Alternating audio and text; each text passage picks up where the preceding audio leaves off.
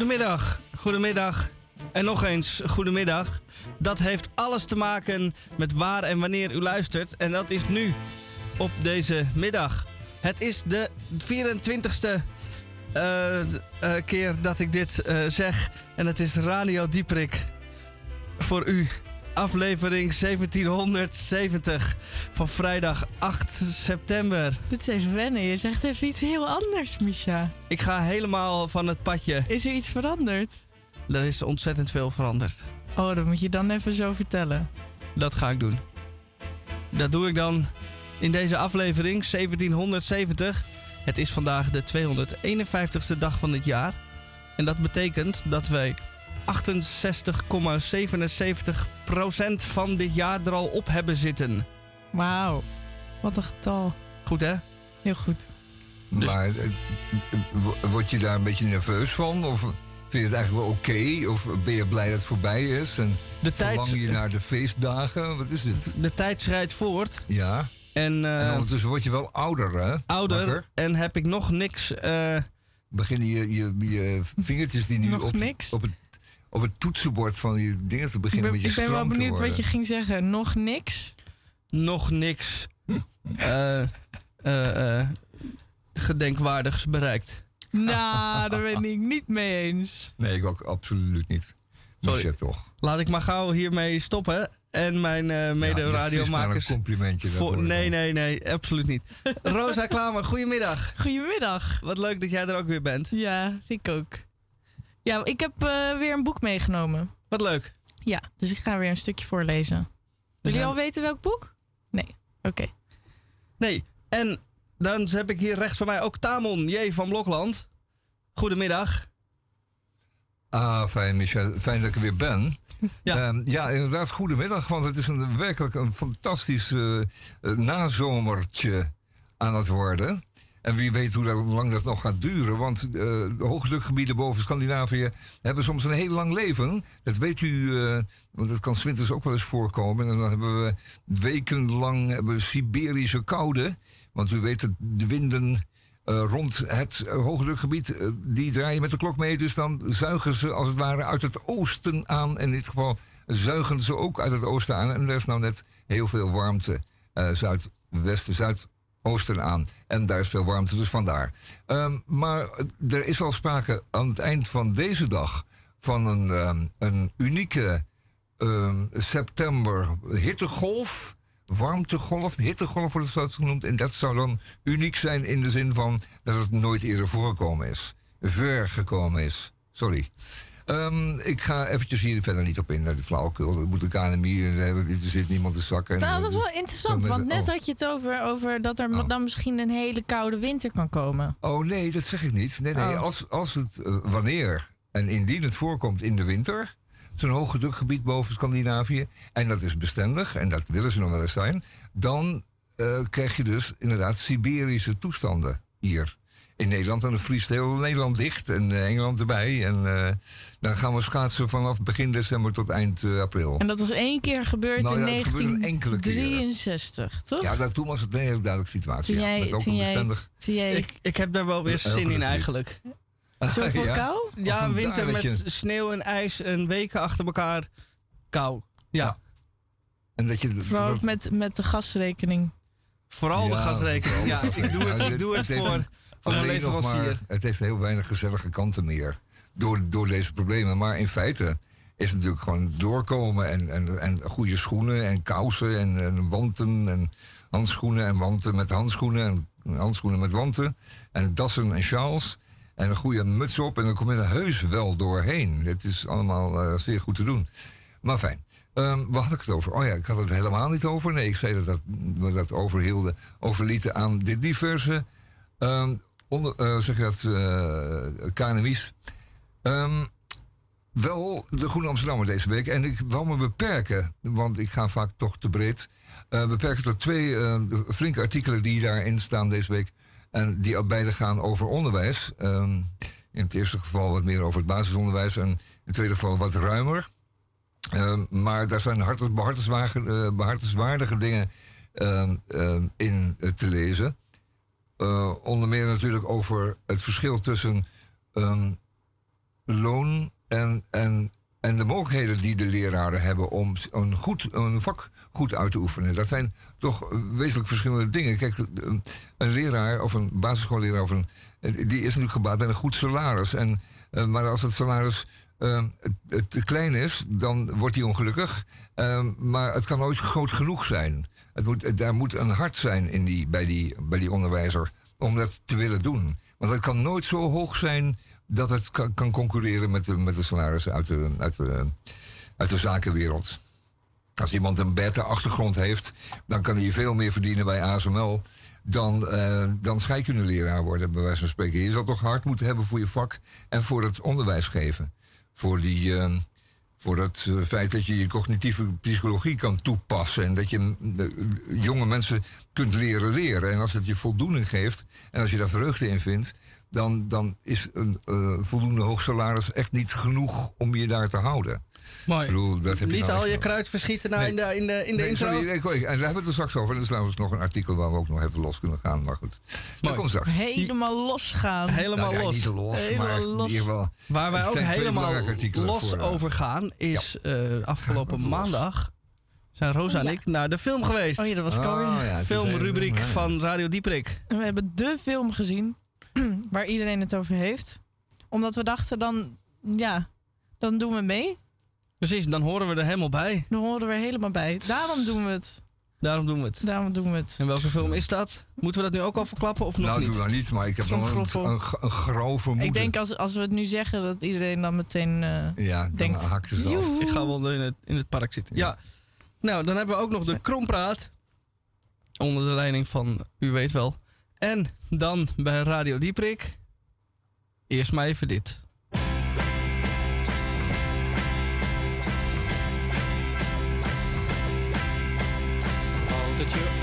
De zon feller schijnt als de rook om je hoofd is verdwenen? Valt het je op dat de wind harder waait als je hem tegen hebt in plaats van mee? Het is koeler in huis dan aan zee als de rook om je hoofd is verdwenen. Je kerft je naam in de nerf van een boom en niemand weet ooit wie je bent. De boswachter glimlacht als hij je herkent. Je drijft langzaam mee met de stroom. Als de rook om je hoofd is verdwenen. Als de rook om je hoofd is verdwenen.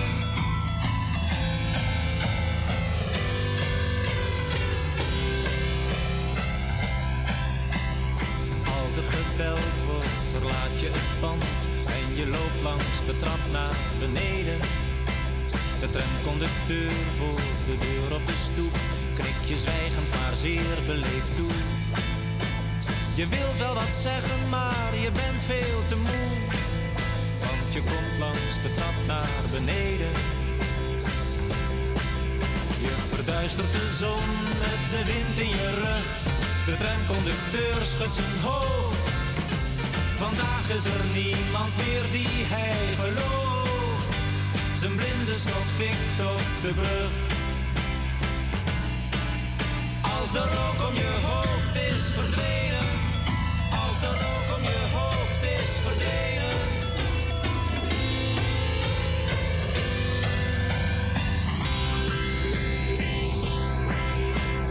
Valt het je op dat de dag langer duurt als de rook om je hoofd is verdwenen, valt het je op dat de nacht warmer is als de nevel je ogen verzwaart.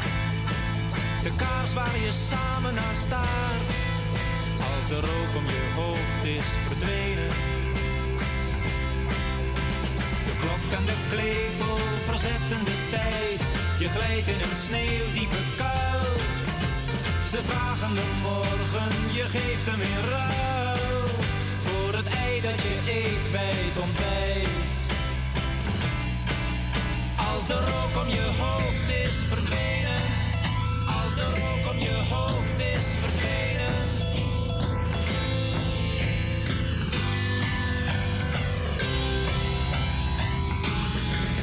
Als de rook om je hoofd is verdwenen.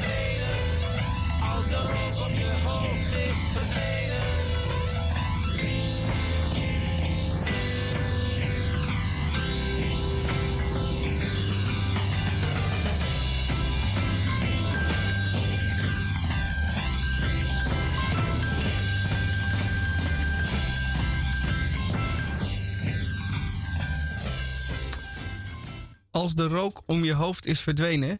Van Boudewijn de Groot. En dit lied uit 1968 is niet geschreven door uh, Lennart Nijg. En dit zou dan zo'n voorbeeld zijn van dat Boudewijn de Groot toch een minder benadigd tekstschrijver is dan Lennart Nijg. Ja, dat zou dit bewijs van zijn. Ja, nou ja, dat je, omdat aan de andere kant. Dit, is, dit was de B-kant van uh, de single Waterdrager. En dat was dan weer wel door Lennart Nijg. Ja, ja. En dan zie je dat dat was dan. Maar nou is Waterdrager. Uh, sommige mensen weer... beter dan dit.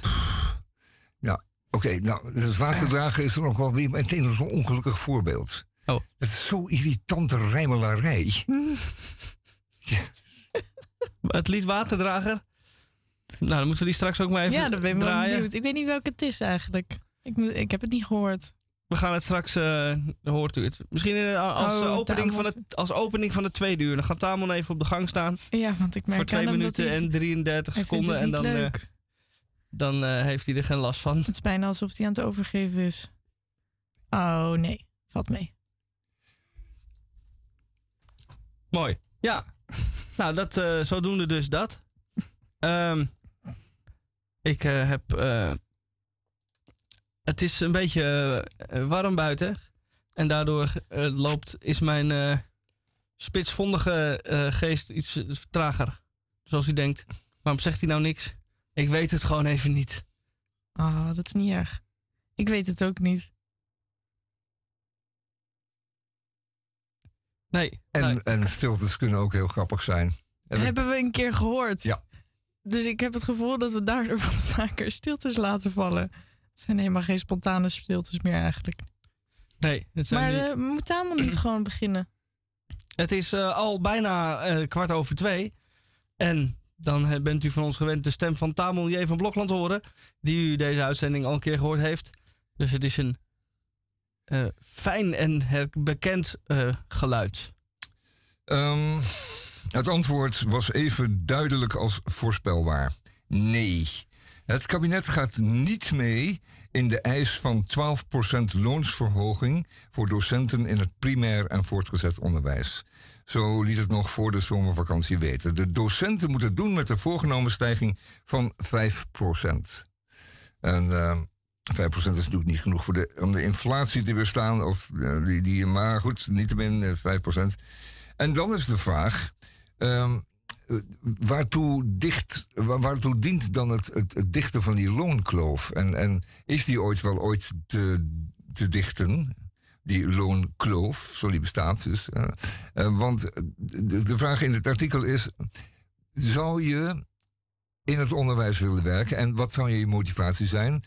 En zou je überhaupt voor het salaris dat willen doen? En, en hoe hoog moet dat salaris dan zijn? Um, het was altijd een goed betaalde baan in het onderwijs. En dat, kwam natuurlijk ook omdat er um, uh, benefits waren. Hè, lekker lange zomervakantie en tussendoor nog een paar vakanties en zo. Als je dat als, als, dat als leraar een beetje, in, beetje inkleden, dan uh, kon je een goede tijd hebben. En je had, was, uh, je had een goed pensioen.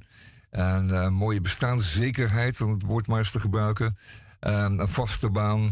Um, en als je er dan ook nog vreugde in vond in het jaarlijkse wisselen der klassen. En als je daar met tevredenheid om, op die examenklassen kon terugkijken, was het dan een hele fijne baan. En dan kon je daar uh, veel uh, plezier aan hebben. Maar ik geloof, ik geloof dat het ook wat minder een fijne baan is, omdat er heel weinig leraren en leraressen zijn, waardoor de mensen die werken moeten overwerken en doen veel meer voor wat ze krijgen. En daardoor allemaal burned out zijn. Ja, dat is dat is dus een fenomeen wat optreedt sinds er eigenlijk uh, substantieel te weinig leraren en te weinig leraressen ja. zijn. En dan komt het neer op. En dan is het de... ook niet meer leuk, natuurlijk. Nee, en dan wordt het te zwaar voor de achterblijvers. Ja. Want die moeten dan lesjes inpikken, die, hebben dan, die kunnen dan nootjes vrijnemen en die kunnen dan hun, hun, hun eigen tempo niet volgen, enzovoort, enzovoort. Dan wordt het allemaal zwaarder en minder leuk van.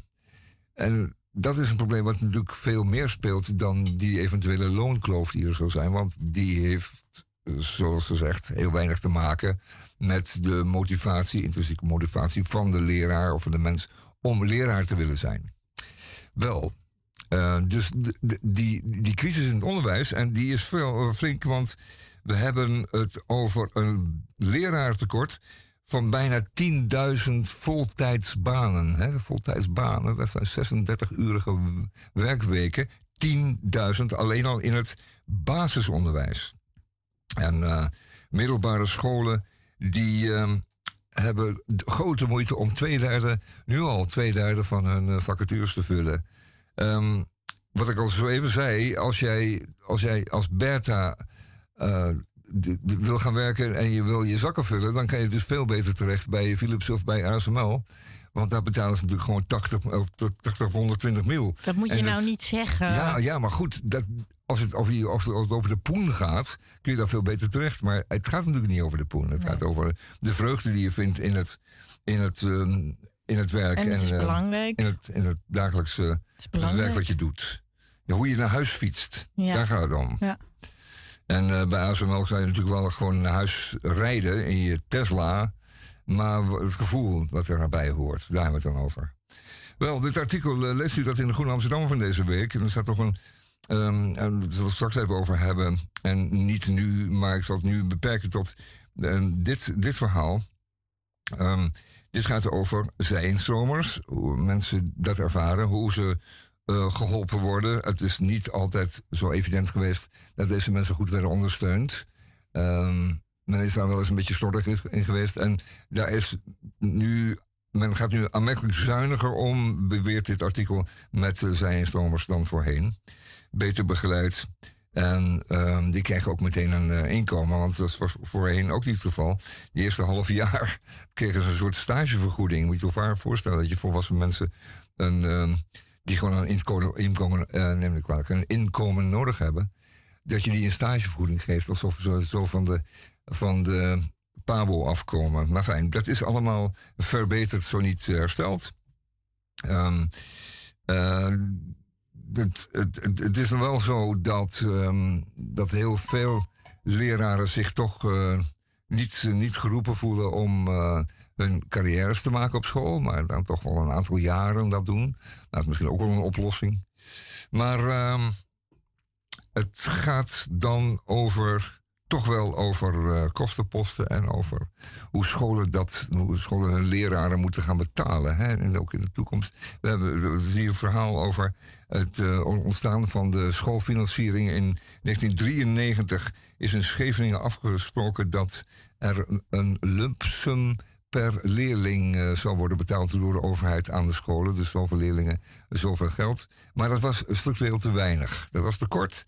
En daar kwamen ze niet mee uit. En daar, bleef te weinig geld over voor schoolonderhoud of voor extra lesmateriaal of voor dat soort dingen. Het was toch echt een tekort. Ze konden er salaris van betalen, maar dan kwamen ze tekort. En dat is opgelost door ze die scholen dan jaarlijkse subsidies te geven. Maar die zijn natuurlijk niet structureel. Die moeten elk jaar worden gegenereerd en gecreëerd.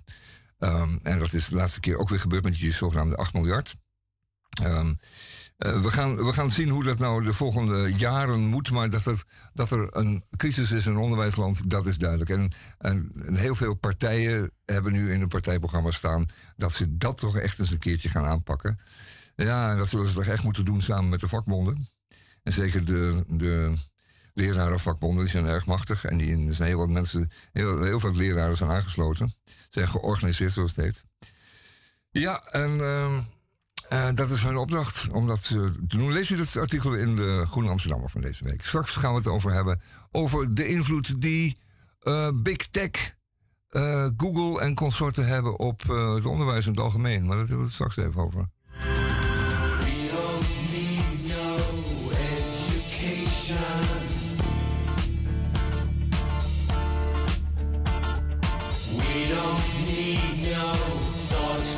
wrong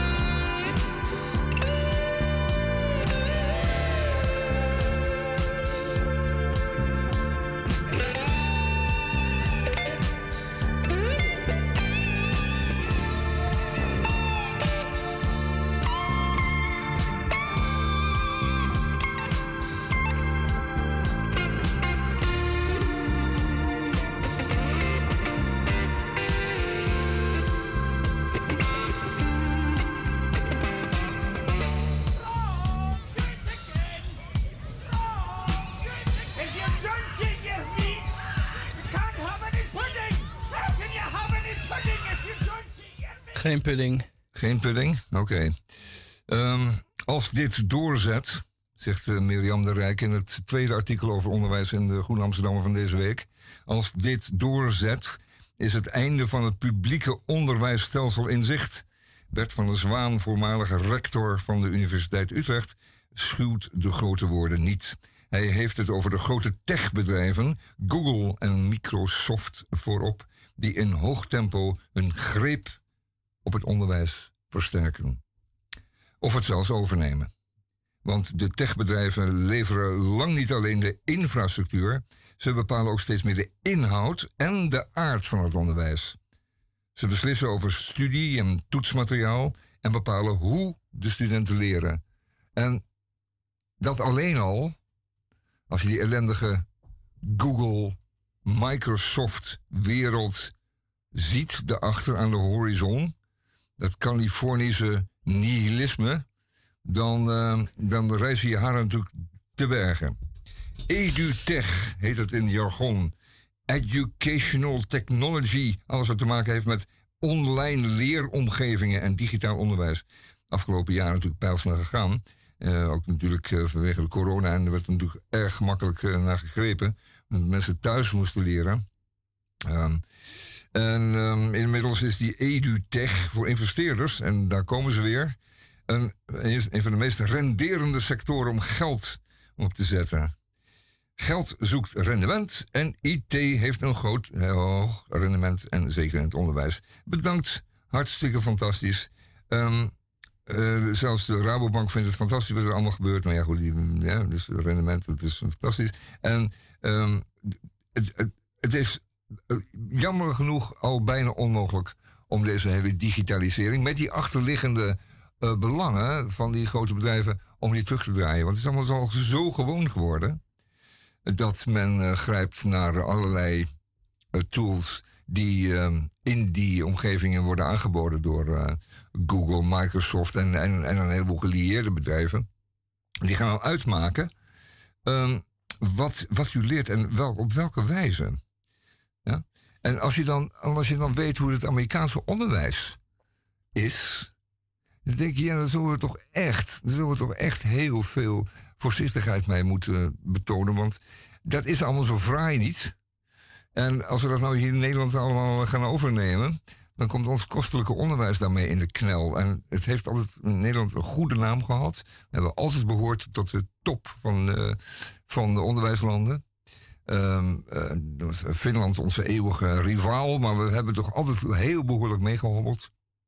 En, uh, en als we nu um, Amerikaanse toetsmaterialen en Amerikaanse methoden gaan toepassen in onze eigen scholen, zou ik zeggen, als uh, xenofoob, dan laten we dat nou echt helemaal niet doen. Dat die Amerikanen hun eigen onderwijs maar verknoeien, want daar kunnen ze ook niet klok kijken als ze op de HAVO zitten. Aan de, aan de gebruikte software zitten Learning Analytics en Learning Management Systems gekoppeld. Het algoritme analyseert iedere interactie tussen het systeem en de leerling-student en past het les- en toetsmateriaal daarop aan. Het personaliseren. Maar wat er wordt aangepast en waarom, daar heb je als docent dus geen enkel zicht op. Ja, en dat is natuurlijk, dat levert natuurlijk gewoon verlies, de greep op de inhoud uh, op. En uh, je, je, ziet het gewoon, je ziet gewoon je, je, materiaal verdwijnen. Je ziet allerlei resultaten die je normaal als onderwijsgevende zie je, die, die, die normaal tot, jou, tot, jouw werkveld en tot, tot je tools behoren, zie je verdwijnen.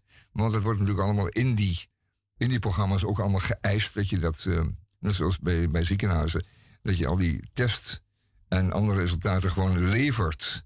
Dat wordt dan van hen. Um,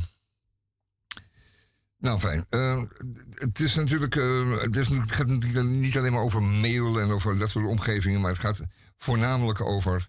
Um, het gaat voornamelijk over inhoud. En over de manier waarop. Um, waarop die bedrijven dan zo langzamerhand gaan bepalen. wat van hen is en wat nog van jou is. Lees dit stuk in de Groene Amsterdammer van deze week.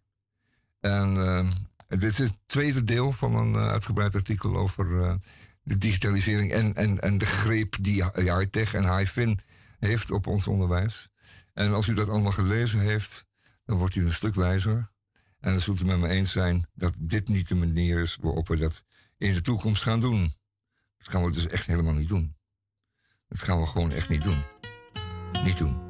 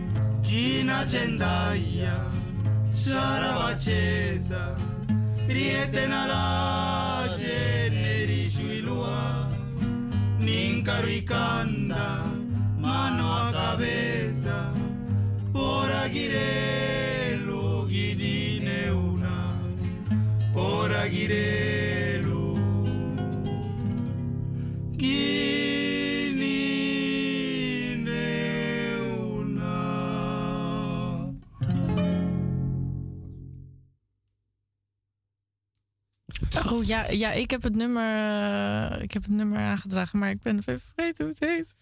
Sorry, Michel, wil je even helpen? Zeker. Het nummer heette uh, Ra Bashera van Bini Kula Of zo. En dat, uh, je, je zit maar gewoon in de maling te nemen. Zeker. Uh, zit je in de maling te nemen. Dat is, het, nee, ze komen uit Mexico. verkeerde verhoudingen. Nee, het, oh, wel, is, Mexico? het is gewoon een moeilijk naam. Is het Spaans? Ja, ik denk het wel, toch? dat denk ik ook. Ze komen uit, uh, en ze hebben de typische uh, klassieke uh, instrumentencombinatie uit Mexico met zo'n klein gitaartje en een hele grote gitaar. Nou, en nu dan, lijkt het alsof je echt wel iets aan het zeggen bent. Ja. Dat ben je ook. Dat heb ik net twee tellen gelezen, gelezen geleden gelezen. Echt? Op, ja. En als je dan doet alsof je het allemaal uit je eigen hoofd haalt, dan kom je heel interessant over op de radio. Maar nu heb ik het verklapt. Ik weet eigenlijk niks, dames en heren. Nee, uh, je weet ook niet hoe zo'n grote gitaar, zo'n buitenmodelgitaar heet. Nee, nee, en hoe nee, die bespeeld dat stond wordt. er dan weer niet bij. Dus dat, Is nou dat ja, een basgitaar? Is dat een, nee, nou, een zesnarige?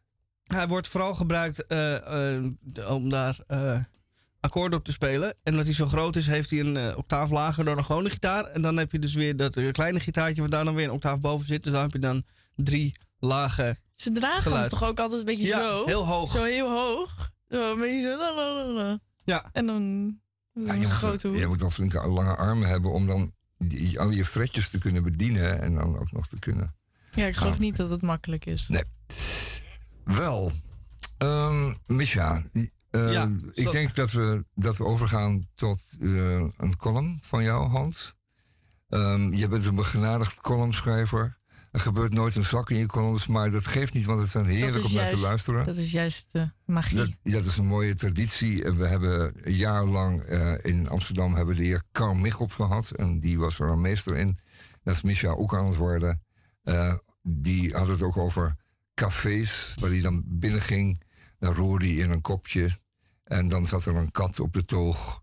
Of er zat geen kat op de toog. En hij roerde niet in een kopje, maar hij liet zich een biertje enzovoort. Misha. Daar ben ik dan. Voldoende voorbereid op de hittegolf stap ik op de dag des onheils mijn bed uit. Iets wat aan de late kant, maar dat mag, want ik ben vrij. Na de ochtendse plichtplegingen besluit ik wel even naar buiten te gaan, met als minimaal doel het kopen van een stuk watermeloen. De eetbare verfrissing die ik nodig, nodig gemist heb, wordt in mijn koelkast. Ik maak uiteindelijk een groter rondje dan gepland. En halverwege loop ik met spijt in mijn handen en zweet op mijn rug te zoeken naar een plekje schaduw. Het is nu toch wel echt heel warm. En ook al maak ik mijzelf wijs geen last van de hitte te hebben, besluit ik mijn buitenbezoek onmiddellijk te staken. Bij thuis komt neem ik een frisse douche. En, en dat is een welkome koude douche. Afgedroogd en wel, maar met enkel een onderbroek aan, twijfel ik over de invulling van de resterende dag. Het is te warm om naar buiten te gaan, zoveel is duidelijk. Maar eigenlijk is het te warm voor alles. Gitaarspelen, schrijven, koken, stofzuigen, de horlepiep dansen. Ik heb er allemaal niet de kracht voor. Er rest mij dus nog maar één ding te doen. Ik ga, al zijt het een regenachtige zondag, nutteloos achter mijn computer zitten. Ik start een geestdodend spelletje op zo eentje waarbij je een dorpje moet bouwen en de inwoners bezig en gelukkig moet houden. En daar kom ik dan de tijd wel mee door. Ondertussen speel ik op de achtergrond oude afleveringen van de rijdende rechter af. Geen beeld dus. Enkel geluid. Maar daar mis je niks aan. Het maakt het allemaal misschien zelfs wel beter. Voor degenen die niet bekend zijn met het tv-programma, het is een tv-programma waarin gewone mensen ogenschijnlijke futiliteiten uitvergroten tot een probleem waarbij een rechter aan te pas moet komen. En na twee afleveringen weet u genoeg. Het gaat natuurlijk niet om de buxushaag die al dan niet anderhalve millimeter over de erfgrens staat. Die is er slechts met de haren bijgesleept. Het is de langlopende burenruzie die maar al te vaak ten grondslag ligt aan het gekonkel. En de vraag is, iedere aflevering weer, op welk moment laten de deelnemers het juridische aspect varen en begint het modder gooien? U parkeert expres uw auto bij ons op de stoep. Ja, maar jouw vrouw heeft mij een flapdrol genoemd. Nee, dat is niet waar. Jawel, dat hebben zij wel gedaan. En dan met dat vingertje wijzen. Altijd maar met dat vingertje wijzen. Dat is elke keer weer het hoogtepunt van de uitzending. Samen met de uitspraak van de heer F. Visser. Normaaliter valt hij natuurlijk negatief uit voor een van de partijen. En dan heb je die boze blikken. De zure koppen van de verliezers. Om nog maar te zwijgen van de gelaatsuitdrukking van de winnaar. Iedere winnaar belichaamt het. Ah, lekker voor je gevoel. Zonder iets te zeggen. Als blikken konden doden. En dan? Dan heb je nog Mieke van der Wij. Oh Mieke, met je filijne opmerkingen. Zij was de presentatrice van de eerste seizoenen. En ze konden ze zich geen betere wensen. Haar rol is naast het aan- en afkondigen vooral het moddergooien aanwakkeren. En laat dat maar aan Mieke over. Op gemoedelijke toon en met, met een vriendelijke glimlach zaagt zij, vals als ze is, iedereen bij de enkels af. Een wolf in schaapskleren. Mieke van der Wij deelt geen prikjes uit. Nee, zij roert. De toch al problematische verhouding waarmee ze geconfronteerd wordt, wordt door Mieke vakkundig tot een giftige cocktail gemixt. Ze roert net zo lang tot de boel ontploft. En dan leunt ze voldaan achterover. Het is ondertussen half één nachts en mijn virtuele dorpje floreert. Mijn inwoners zijn gelukkig en de zoveelste aflevering van de Mieke van der Wij Show is halverwege. Het zal de laatste aflevering van deze avond worden. Het is nog steeds warm en ondanks weinig tot geen inspanning neem ik nogmaals een koude douche. Bedwemeld van de nog steeds heersende warmte stap ik in mijn bed. In mijn hoofd echoen de burenruzies nog na. De Buxus Haags, de erfgrens, de vuilverzameling, de gemeente die beter weet, de buurvrouw die zich ermee gaat bemoeien. De rijdende rechter grijpt aan. En laat ik dan nu van de gelegenheid gebruik maken. Ik wil het ook een keer gezegd hebben. Een groot applaus voor de heer uitspraak van de meester Frank Visser.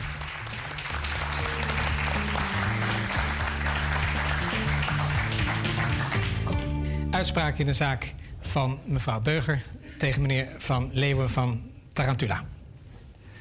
Dat mevrouw Beuger in verwarring is gebracht, in dwaling verkeerde, valt te begrijpen. Nu mevrouw Beuger dus in dwaling verkeerde, moet de overeenkomst worden vernietigd. En dat betekent dat ze haar geld terugkrijgt. 27 euro en 23 eurocent. Dat is mijn uitspraak en daar moet u iets mee eh, doen. Dank u wel.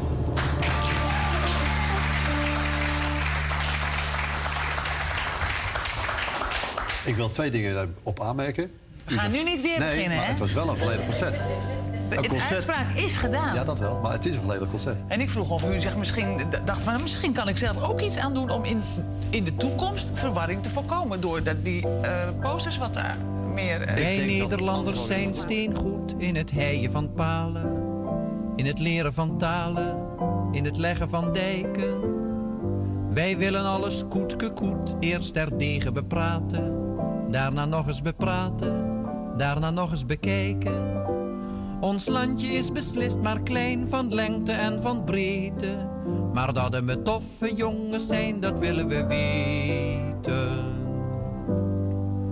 Wij Nederlanders zijn heel knap in het bouwen van bruggen, in het ziften van muggen, in het maken van regels.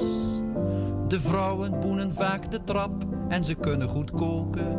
En de mannen verroken voor een heleboel pegels. Ons volk is haast op elk terrein versplinterd en gespleten. Maar dat we toffe jongens zijn, dat willen we weten. Wij Nederlanders zijn gesteld op ons heilige huisje, op ons veilige thuisje, op ons dode gemakje. Wij dragen liefst voor weinig geld een kostuum zonder kreukje, ook al doen we ons peukje wel eens nevens het bakje. En toch ben ik fantastisch blij hierin te zijn gezeten, want dat we toffe jongens zijn, dat willen we weten. 27 euro en 23 eurocent. En omdat ze in dwaling verkeerden, Ja, waar het over ging, weten we niet. jawel, Oh wel. ik wel, want ik heb de hele aflevering gezien. Eh, het eh, evenementenbureau Tarantula had eh, in een of andere dorpskate een muziekavond georganiseerd. En op de poster stond heel groot Pietje komt zingen. Een plaatselijke bekende volkszanger. Maar Pietje was de afsluiter van een hele reeks eh, artiesten die hele avond. Dus deze mevrouw die had een kaartje gekocht voor een twee uur durend optreden van Pietje. Maar uiteindelijk was het eh 1 uur en 50 minuten Jan en Alleman. En Nee. 10 minuten Pietje. En dat, eh, nou ja, dat, en dat werd niet duidelijk aangegeven op de poster. En daardoor verkeerde zij in dwaling. Oh. Ja, die was Wat hebben wij toch luxe problemen? Want die verkeerde wel degelijk een diepe dwaling dan. Ja, en want dat wie, was... weet heeft ze, wie weet heeft ze zich maar aangekleed voor dat optreden. Wat? Zit jij nou weer? Ja, Wat? ik zie dat wel. eh, ik zie dat wel. Dat is een enorme teleurstelling. Kom je Oh, trouwens, daar? Klager, ik snap het al. Samon die zou zelf daarheen een moeten. 27 Hoe heet euro. de show ook weer? De rijdende rechter. De rijdende rechter. Tamon, misschien heb jij wat klachten waar Ik, ik ja, mee ik ga zit? echt op elke slak zout leggen. Ik wil het, ik wil het uiterste eruit hebben. Maar ik heb, Nou, wel, jij- ik heb wel eens gezien, en het gaat inderdaad heel vaak over erfgrenzen. En dan, dat, dan dat, het, het, het schuurtje, dat steekt er iets Wat overheen. of een eigenlijk, dat we zo... Dat En, we en, zo oh nee, dat was ook vaak dat, er, dat de bladeren van een belendende boom dan bij die andere in de tuin vallen. oh, wat Want daar kun verschrikkelijk. je niks aan doen, hè? Wat Zo'n verschrikkelijk. boom die waait maar alle kanten op. En die is dat wat Oh, wat onverantwoordelijk in. En eh, ja, dan moet die ander moet in Ik zijn hoop niet dat ik ooit zo word. Dat ik dan zo, dat ik zo, zo mijn leventje zo makkelijk is. En dat je dan eh, Ja. over dit soort dingen Ja. je kut voelt. Dat je Ja, dan zo dat moeilijk Dat je daarmee zit. Dat je met dit soort dingen zit. Ja. En dan verlies je alle vreugde in het leven en in het bestaan. Omdat die kutbuurman, dat kan je rustig zo zeggen, gewoon weigert om die boom om te zagen. Wacht even, nee. Want Wacht, dat was het hele probleem over geweest. Sorry, dat- Dat is nooit bestaan. ben je nou echt?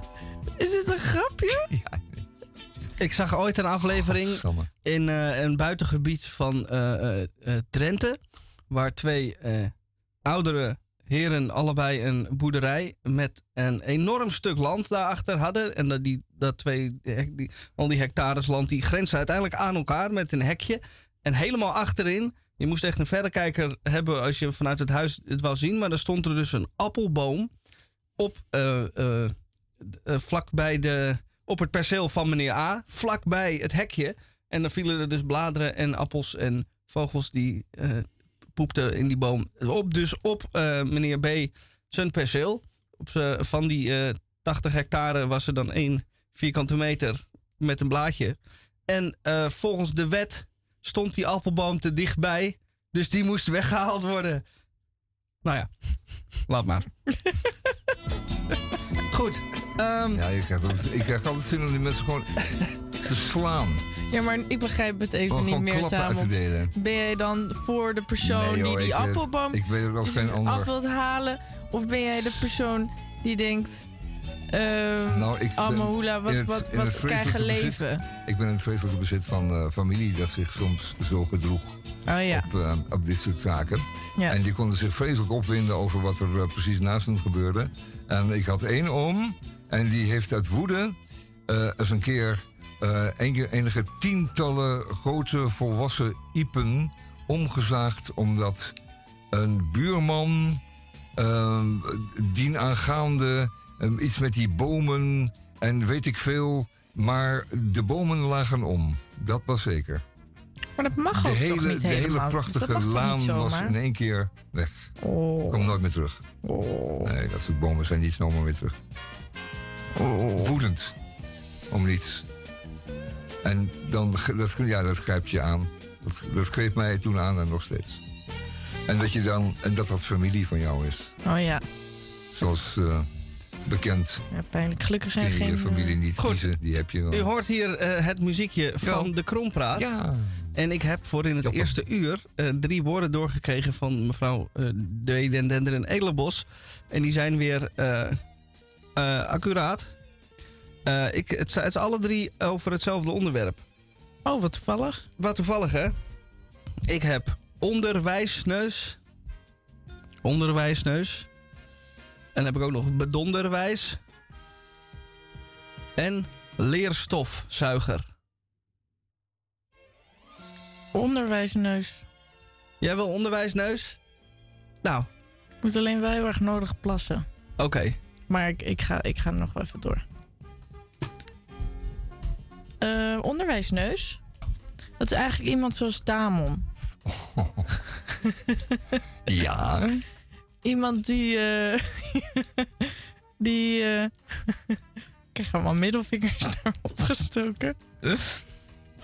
On- onderwijsneus is iemand die vindt dat ze weten hoe het in het onderwijs moet. Maar zelf geen expert zijn. En eh, zo heb je heel vaak leraren. Of nou, weet je welke er ook heel vaak zijn? Ouders. Ouders zijn de ergste onderwijsneuzen. Vooral in Amerika. Heb ik wel eens ge- gele- gelezen. Dan, dan, dan, eh, dan zit de juf of leraar eh, les te geven. En eh, dan komt na, de, na de lessen komt de moeder of vader naartoe. En die gaat dan bemoeien over wat er les mo- moet gegeven worden. En ook altijd over seksuele voorlichting is ook altijd een groot issue. Hoe dat wordt gedaan. Want ehm, ouders vinden natuurlijk dat ze recht hebben op wat hun kind geleerd wordt. Snap ik ergens ook wel. Maar ehm, je kan te ver gaan. Dus ik ben, onderwijsneuzen zijn soms goed voor kritiek, maar ik vind niet dat het. eh, het, het helpt met het beroep eh, juf of leraar zijn. Eigenlijk moet je daar meer vertrouwen aan hun geven. En eh, zodat zij het ook goed kunnen doen. Onderwijsneus, ja. Goeie. Juist. Ehm, dan hebben we nog bedoel... Mag ik nu naar de wc dan? Ga. Doe het. Dan heb ik bedonderwijs en leerstofzuiger. Ehm, ja, bedonderwijs, hè? Ja. Ja, bedonderwijs, dat veronderstelt wel iets heel negatiefs, hè? Dat zou je Bedonderwijs, ja, want dat doet me denken aan, aan die, eh, die eh, stapsubsidies. je kunt eh, één keer per jaar kun je 1000 euro krijgen om jezelf een kleine opleiding te doen. Ehm, en daar, zijn, daar is heel wat bedonderwijs bij. Ehm, daar zijn cursusjes bij die werkelijk helemaal niks voorstellen. En die zomaar 1000 euro kosten, dan ben je kwijt. Er zijn speciaal daartoe opgerichte eh, bedrijven die een heleboel van die cursussen aanbieden, maar je ook helemaal niet wijzer van wordt. En ehm, ik was er laatst nog bij één. En die kostte inderdaad zo'n beetje ongeveer 1000 euro. Eh, nou, niet laatst, maar dat dan weer een jaar of anderhalf geleden. En dat bleek ook inhoudelijk echt ver, ver onder de maat te zijn. Dat zou je dus echt bedonderonderwijs, bedonderwijs kunnen noemen. Daar eh, wordt veel gesuggereerd en er wordt veel geïnsinueerd, maar er wordt heel weinig geleverd. Je schiet er ook weinig mee op. Na twee dagen eh, ga je daar weg en je denkt, wat heb ik nou eigenlijk geleerd? Waar is mijn 1000 euro gebleven? Nou, en dat valt echt allemaal onder bedonderwijs. Mooi. paal en perk, zou ik zeggen. Juist. En dan heb ik nog tot slot de leerstofzuiger. Leerstof. Eh, en dan de zuiger. En wat is dat? Ehm, digitalisering eh, en eh, machinaal. Dat kun je mooi combineren in een leerstofzuiger. Ehm, dan kun je al het leerstof die er in een ehm, opleiding of zo zit, die zuig je dan op, net als bij een stofzuiger. En dan heb je zo'n zak waar dan wat je opgezogen hebt in zit. En dat kun je dan in één keer weggooien. Oh. Aha. Dan zou je dat willen. Alle moeite voor niets. Ja, Oh. zeker bij zoiets als bedonder onderwijs Ja, ja, dat, dan wel natuurlijk. gaat het over de 1000 euro. Ja, 1000 euro is voor veel vaardigheden gewoon eh, te weinig en te kort. Dus dat weet je al van tevoren dat dat niet gelukken zal. Wel, ehm, we hebben ze. Het zijn niet heel, niet heel sterk, eh, niet heel sterke woorden Nee, nee, deze sorry. week, maar We gaan wellicht eh, een tweede uur het dat er nog tweede wat bij zit. Ik Ja. heb eh, al een woord voor het tweede uur ontvangen. Oké, oké, goed. En er komen nog meer. We hebben eh, eh, een boek in de tweede uur. We hebben twee films in de tweede uur. We hebben dus nog wat krompraatwoorden in de tweede uur. En we hebben nog Hoe ging het? muziek in de tweede uur. Nou, ik weet niet, we waren niet zo sterk. En wij- wij, waren, wij lijken ook wel niet zo geïnspireerd te zijn. Bedonderwij, bedonderwijs is ook is een beetje negatief. En eh, waarom zou je je overgeven aan bedonderwijs? Waar- Waarom zou je? In alle vrijheid. Ja, gelukkig hebben we alle, hebben we alle vrijheid. En die, en die leerstofzuiger van Misha, dat is dat... eh, Laten we het daar maar nooit meer over nee, hebben. dat het Wat was er gebeurd? Oh, ik vind, het, ik vind het wel jammer dat ik naar de wc moest. Nou ja, je hebt eigenlijk niks gemist. Ik heb ehm, eh, mijn eh, prestatie tijdens de krompraat... Het niet, eh, mijn gebruikelijke niveau niet gehaald. Nee. Oh ja. nee, dat mag je rustig zeggen. Het was echt below par. En, eh, Moet me eigenlijk gênant. heel diep schamen. Maar ik heb nog een kans En, in en tweede je, ook allemaal die, die negatieve houding ten opzichte van leerstof van hem. Blijkbaar heeft hij ook nooit veel vreugde gevonden in het, in het leren. Oh, En- heb jij dat ook? Nee, ja, maar ik vond... Nou ja, Dat, dat verenigt jullie wel een beetje. Want jullie hebben gewoon weinig vreugde gezien en gehad in, het, School. in, in school. nou, en, dat in is niet waar. Ik heb juist heel veel plezier gehad op school. Oh, Oh. Ik moest- was de enige die... eh, iedereen was dolblij dat ze van, bij eh, afscheid bij het eh, middelbare school allemaal weg mochten. Maar ik was de enige die daar stond te huilen. Want ik vond het heel erg. Oh ja. Ik vond het heel jammer. Nee, ik was eh, iemand die altijd eh, deed alsof ze ziek was. Oh. En eh, mijn moeder trapte daar elke keer weer in. was zo makkelijk. Het was zo makkelijk om te doen alsof je ziek was. Ja. En je bent gewoon de helft van de tijd niet verschenen. Ja, en ik heb ook wel eens gewoon keihard gejankt in de ochtend tegen mijn vader. En dat kon hij gewoon echt niet hebben. Nee. ging ik gewoon de hele tijd huilen. Ik wil niet naar school, ik wil niet naar school. Ik wil thuis spelen met de Polly Pockets. Nou, die gaan we even over nadenken. En dan gaan we naar het tweede uur van Radio Dieprik. Mm, kiss me quick while we still have this feeling. Hold me close and never let me go.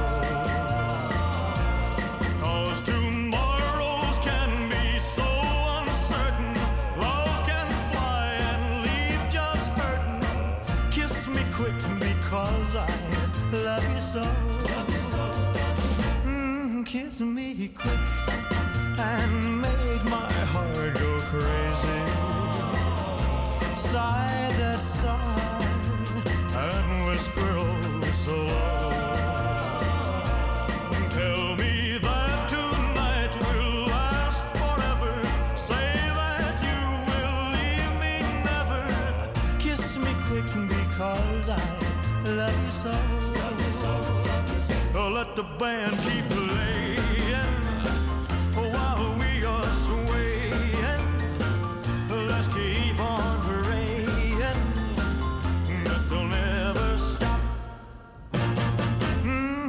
Mm, kiss me quick. I just can't stand this waiting. Cause your lips are the lips I long to know. For that kiss will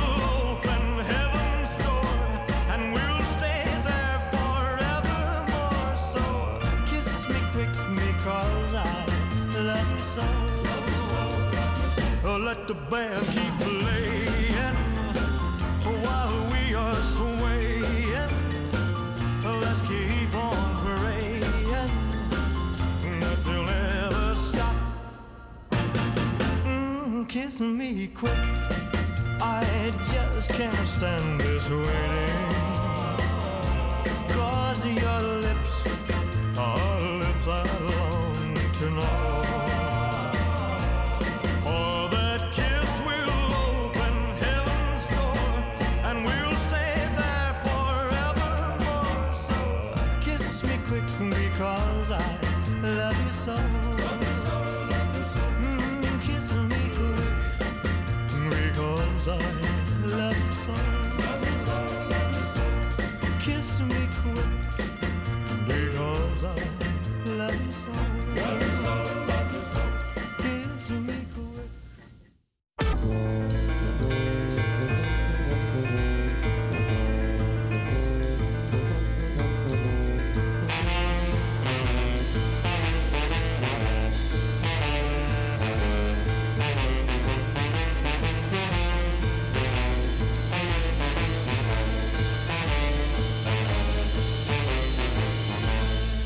Goedemiddag, goedemiddag en nog eens goedemiddag. En dat heeft alles te maken met wanneer u luistert en dat is nu. U luistert nu. Aflevering 1770 van vrijdag 8 september. Het is de 251ste dag van dit jaar. En dat betekent dat er 68,77% van dit jaar 2023 alweer voorbij is. Deze uitzending duurt nog van 3 tot 4 uur. En we hebben nog het een en ander. Ehm, eh, we hebben nog één, maar liefst twee films eh, te bespreken. En we hebben ehm, ook nog krompraatwoorden. Die komen straks binnen. En nog veel meer. Ook wat muziek. En ik had in het eerste uur beloofd eh, het lied Waterdrager te spelen. Dat ga ik dan ook doen. Eh, we hoorden eh, Als de rook om je hoofd is verdwenen in het eerste uur. Eh, dat was toen... Dat was een lied wat toen geschreven is door Boudewijn de Groot. En niet door Lennart Nijg. De tekst dan. En Waterdrager is de tekst wel van Lennart Nijg. En het minst favoriete lied van Tamon. Dus als ik nou... Die staat nu op de gang. Te wachten. Maar die komt waarschijnlijk zo weer binnen. ik kan twee dingen doen. Ik kan het nu aanzetten en dan is het klaar als hij net binnenkomt. Of ik wacht tot hij binnenkomt en dan zet ik het aan en dan wordt hij alsnog, eh, heb ik hem alsnog te grazen genomen. Maar ja, dan moet ik tot die tijd hier eh, stil gaan zitten, wachten. Ehm, ga ik dat doen? Nou, weet je, ik draai het nummer vast en wellicht komt hij er zo aan en dan hoort hij toch nog wat.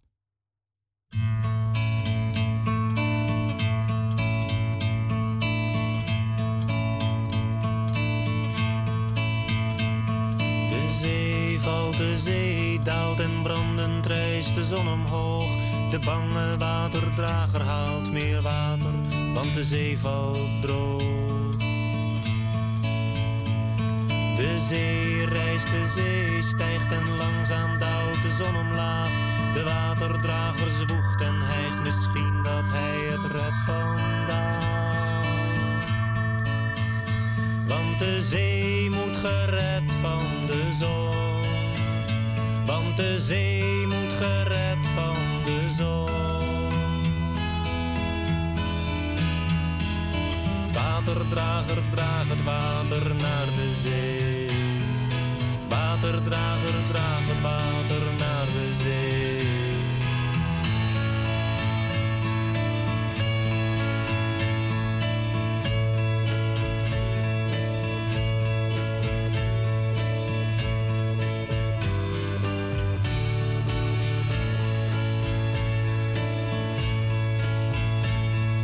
De zee kust de zee, blust en dooft de hete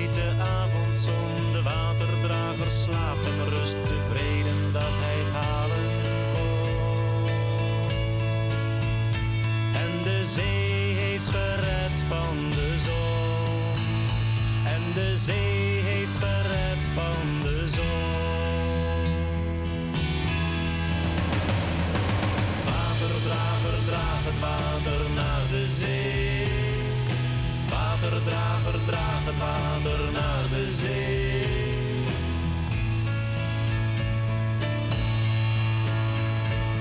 De zee vlamt, de zee brandt, de waterdrager schroeit zijn rug. De zon stijgt aan de achterkant, de waterdrager haast zich terug. Want de zee moet gered van de zon. Want de zee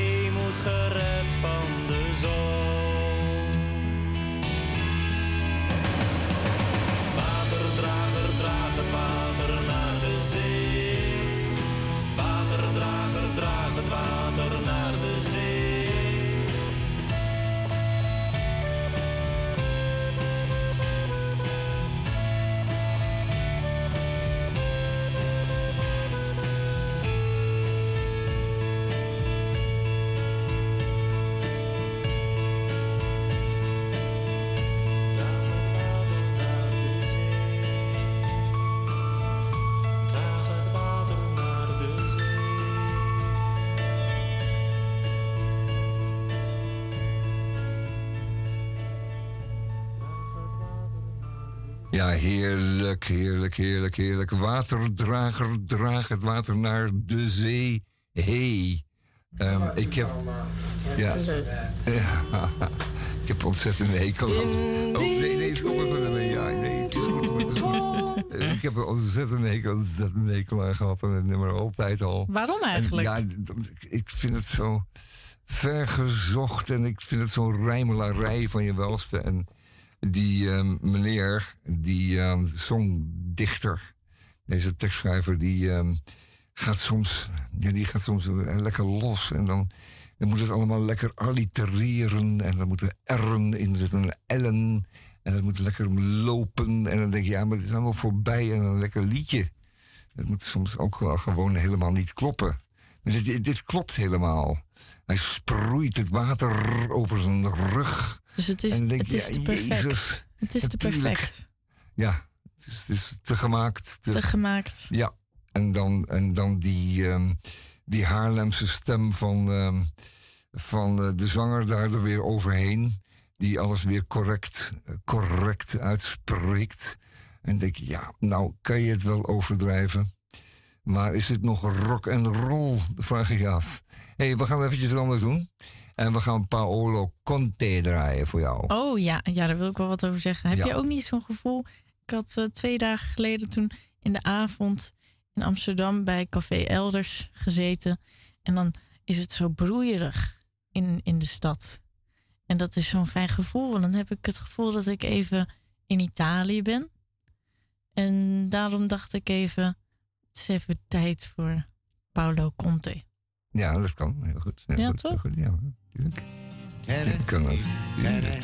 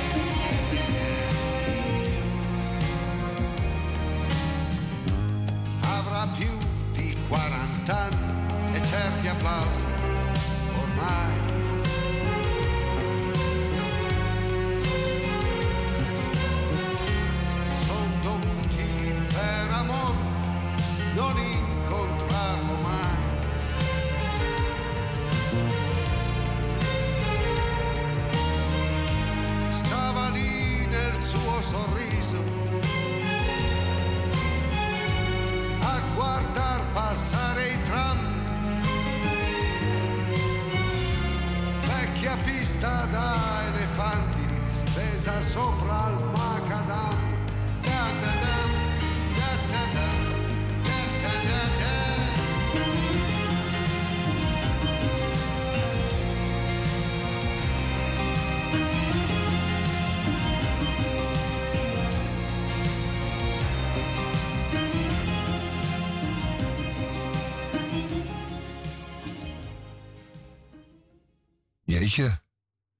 Eh, ja, dan wel. En hoe kan het nou verdorie dat je geen eh, fiets... Wat een prachtig nummer trouwens, wat we net hoorden. Ja, fiets? Ja, lekker hè, verdorie. Ja, dat is Roos, hadden- we eh, hadden- we hadden Roos net- in de bocht. hadden- Vertel Roos. nou, wat? Nou, ik, ik, ik wilde net even zeggen dat ik zo vrolijk van jullie word. Jullie zijn, jullie zijn, jullie zijn zo vrolijk vandaag. Tamon weet ik al, die, zit- die, eh, die heeft gewoon die, Daar doen we geen uitspraak over. de zomer. eh. en Misha, waarom ben jij zo vrolijk? Weet ik niet. Ik heb eh, wel alleen maar eh, eh, veel gedaan en laat gaan slapen de hele- week. Dus ik ben helemaal eh, uitgeblust. Misschien is het wel een soort laatste stuiptrekking voordat ik straks neerval ergens. Ah, ja. Ah, ja. of bij de Spakkelerweg, denk ik. Lig ik daar. In de bosjes. Vinden jullie het anders leuk als ik wat ga voorlezen? Graag. Ja? Zou ik al wel vertellen wat het, welk boek ik... eh dit is dus Etty Hillesum. Het Verstoorde Leven. En ik heb dit boek van mijn vader gekregen. Er staat ook in... Voor mijn lieve Rosa, een boek voor het leven. Ter gelegenheid van een belangrijk moment in jouw leven. Klaar met school, het huis uit, de wijde wereld in. Wellicht kan dit boek jou eens inspireren zoals het mij heeft geïnspireerd. En eh, het heeft, me zeker geïnspireerd. Ik heb altijd bij Etty het gevoel dat ik bevriend met haar word als ik haar boek lees. En dat we samen op een bankje zitten en over het leven praten. En ik heb weer een stukje uitgekozen waarvan ik dacht: ja, dit eh, deed me weer goed. Ehm, ze heeft het geschreven op 8 juni 1941, zondagmorgen half tien. Ik geloof dat ik het maar zal doen. S'morgens voor het begin van het werk een half uurtje naar binnen slaan. Luisteren naar wat er binnen in me zit. Zich versenken. Ik kan niet zo goed Duits, dus ik weet ook niet of ik het goed heb uitgesproken. Je kunt het ook mediteren noemen. Maar van dat woord ben ik nog een beetje griezelig. Maar waarom eigenlijk niet? Een stil half uur in jezelf. Het is niet genoeg alleen maar je armen en benen en alle andere spieren te bewegen. S'morgens in de badkamer. De mens is lichaam en geest. En zo'n half uur gymnastiek en een half uur meditatie kunnen samen een breed fundament van rust en geconcentreerdheid leggen voor de hele dag. Maar het is niet zo eenvoudig, zo'n stille stunde. Dat wil geleerd worden. Alle klein menselijke rommel en franje zou je dan moeten worden weggevaagd van binnen. Zouden dan moeten worden weggevaagd van binnen.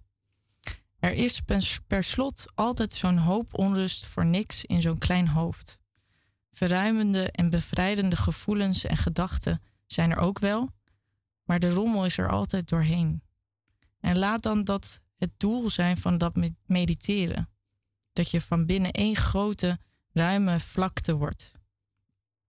Zonder het genieperige struikgewas dat het uitzicht belemmert. Dat er dus iets van God in je komt, zoals er in de negende van Beethoven iets van God is. Dat er ook iets van liefde in je komt. Niet zo'n luxe liefde van een half uurtje waar je heerlijk in zwelgt, zwelgt, trots op je eigen verheven gevoelens, maar liefde waar je iets mee kunt doen in de kleine dagelijkse praktijk. Ik zou natuurlijk de Bijbel kunnen lezen iedere ochtend, maar ik geloof dat ik daar nog niet rijp voor ben, dat de innerlijke rust daarvoor nog niet groot genoeg is en ik gaaf ook nog te veel met mijn hersens naar de bedoelingen van dat boek, zodat het nog geen verdiepen wordt. Ik denk dat ik iedere ochtend maar wat zal lezen in de Hof der Wijsbegeerte. Ik zou me natuurlijk ook kunnen bepalen tot wat woorden op deze blauwe lijntjes.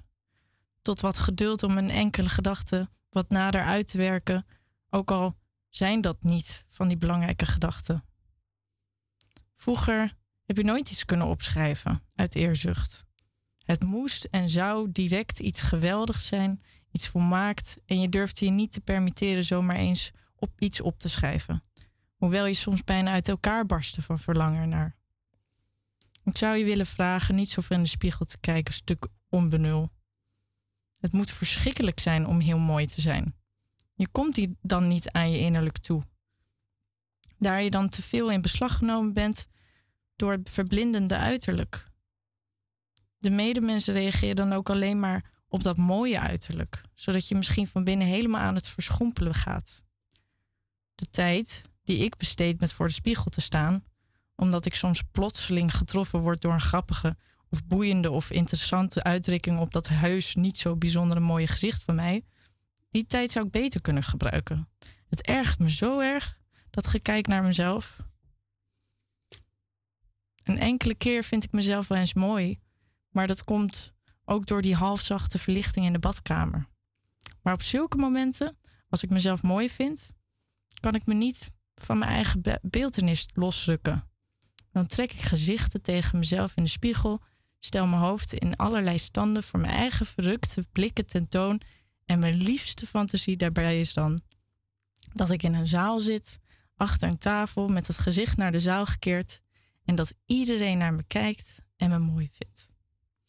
Je zegt wel altijd dat je jezelf helemaal vergeten wilt, maar zolang je nog zo vol met die ijdelheid en fantasieën zit, heb je het nog niet zo ver gebracht in het vergeten van jezelf. Ook wanneer ik zit te werken, krijg ik soms plotseling de behoefte mijn eigen gezicht te zien. Ik neem dan mijn bril af en kijk in de brillenglazen. Soms is dat een ware dwanghandeling. En ik ben er zelf erg ongelukkig over, omdat ik voel hoe erg ik mezelf nog in de weg zit. En het helpt niet of ik mezelf van buitenaf ding niet in de spiegel met te verlustigen in mijn eigen aangezicht. Er moet van binnenuit een zekere onverschilligheid voor mijn eigen uiterlijk komen. Het moet me niet kunnen schelen hoe ik eruit zie. Ik moet nog veel innerlijker leven. Ook bij anderen let je soms nog te veel op het uiterlijk. Of iemand knap is of niet. Het gaat per slot om de ziel of het wezen of hoe je het noemen wilt van de mens die doorstraalt.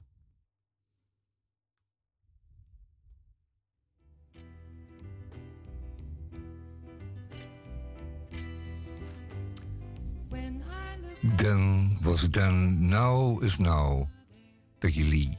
with me.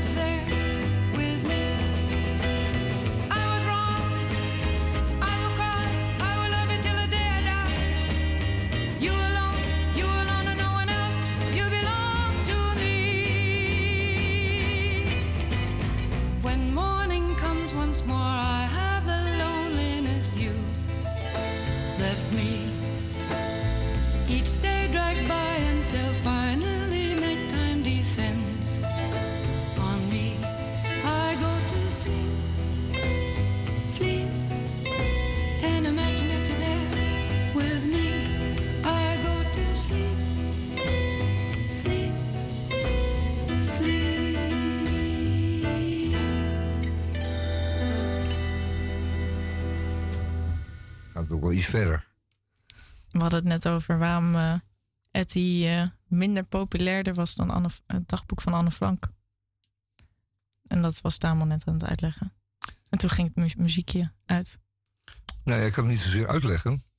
Als wel dat, dat er een, gewoon een, een groot verschil is tussen de twee. En de ene, de ene was al een stuk ouder. En, en, en Etty was natuurlijk ook een, een kunstenares. En ze was al heel zelfstandig. En eh, ook zij moest dood. Iemand heeft besloten dat ook zij dood moest.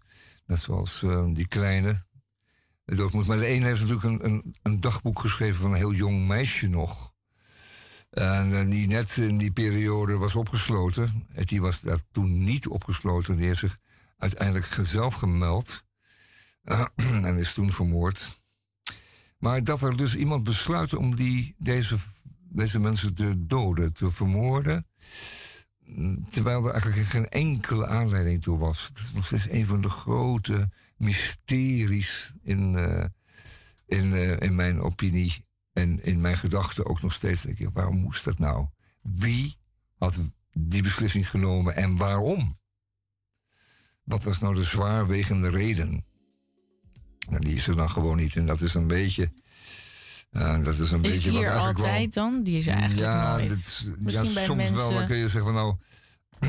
dat, dat, dat kan je nog begrijpen, omdat er een soort dreiging uitgaat van een ander. Zeg je, daar moet ik een einde aan maken. Maar die was er ook helemaal niet. Er was eigenlijk geen enkele aanleiding. En eh, dat zal ons nog wel een tijdje bezighouden. Dat denk ik bang van wel.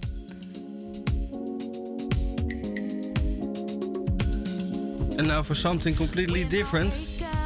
Oh, daar. Dat, wat is dit nummer ook weer? Dit is het openingslied Ja. van de film die wij gezien hebben. Ja. Ja.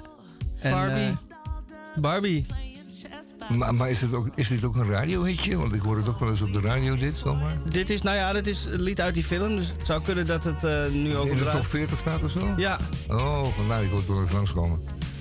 De stijger en de supermarkt. Pink goes with everything. En Ja. eh, dan gaan wij het dan En even- Misha gaat er stiekem wel goed op, geloof ik. Die was net aan het dansen. Ik heb de film ja, al twee keer gezien. Ja. En eh, Misha al twee keer naar Barbie geweest. Ja, dat was toch- toch wel ook mijn schuld. Want ik, ik zei, ik moet toch nog Barbie zien. En toen Hey, had Misha en- hem al gezien. En eh, wat ik wil even weten, had Misha zich daartoe speciaal uitgedost? Hoe bedoel je? Nou ja, bijvoorbeeld een Louis strakke roze panty aan of een... eh, Zeker. God weet wat. Zeker. Nou, nee, Misha niet. Maar ik zag wel andere meisjes. Die hadden allemaal roze rokjes aan. Die zeiden zo... Oh, did you, did you put that on because of the movie? Ik zei, yes, it's nice, right? Ja. Nee, zo zijn wij niet. Nee, wij gingen vol... vol eh, vol gooien met Barbie. Jullie zijn als, als uh, filmrecensenten. ja, wij gaan heel serieus. Serieuze Ja. filmrecensenten van Radio Dieperik. Hebben kritisch naar Barbie gekeken. Geweest. Ja, ja, dat begrijp ik. Ja. Onafhankelijk en Nou, objectief moeten we daar zitten. Ja. Maar ik was niet objectiever ingegaan, eerlijk gezegd. Oké. Jij wel? Nee, ja, Ja, ik had hem al ja, je gezien. had hem al gezien, ja. Dus ik was al helemaal eh, niet meer eh, objectief. Maar als je hem twee keer ziet, dan kun je nog meer zien. Maar Ja. wat heb jij gezien? Wat ik heb gezien, nou, wat ik, heb vooral, wat ik vooral heb ontdekt, is dat ik dus moeite heb met films die ehm, zo in de spotlight staan. Daar ben ik gewoon achter gekomen. Dat had ik ook met de Triangle of Sadness. Dan heb ik al een beeld over hoe de film moet zijn voordat ik erin ga. Waardoor ik eigenlijk niet een eigen soort relatie met de film kan bouwen. Terwijl als ik eh, als, we, als we naar films gaan zoals The Quiet Girl of, of eh, films die nog niet zo heel populair zijn en ik niet zoveel over hoor, of filmhuisfilm, dan voel je alsof je iets heel intiems hebt met die film. Dan is er alle ruimte voor jou om iets bij die film te voelen.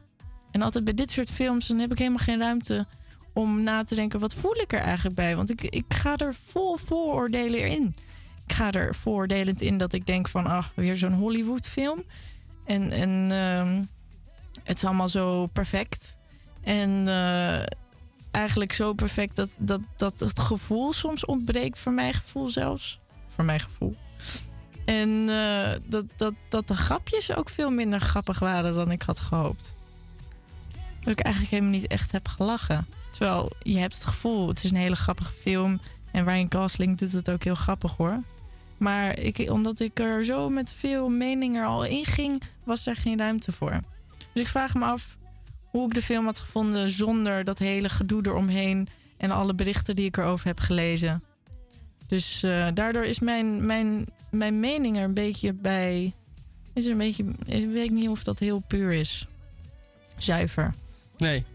Maar mijn mening zegt wel. ehm, ja, wat zegt mijn mening eigenlijk? Ja, wat is je mening? Ja.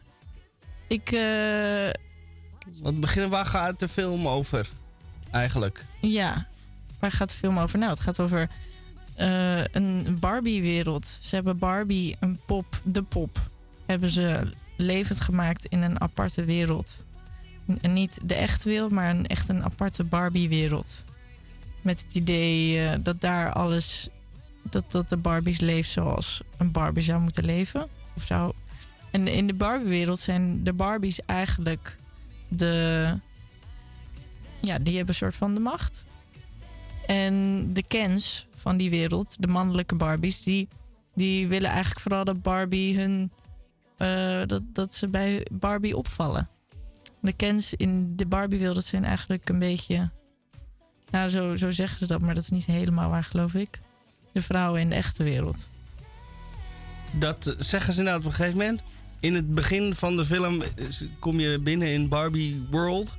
En dan zie je heel veel Barbies die van alles doen. Ehm, de hoofdrolspeelster, of de hoofdrol Barbie moet ik zeggen, is eh, stereotypical Barbie. Dus dat is gewoon waar je aan denkt als je aan een Barbie denkt.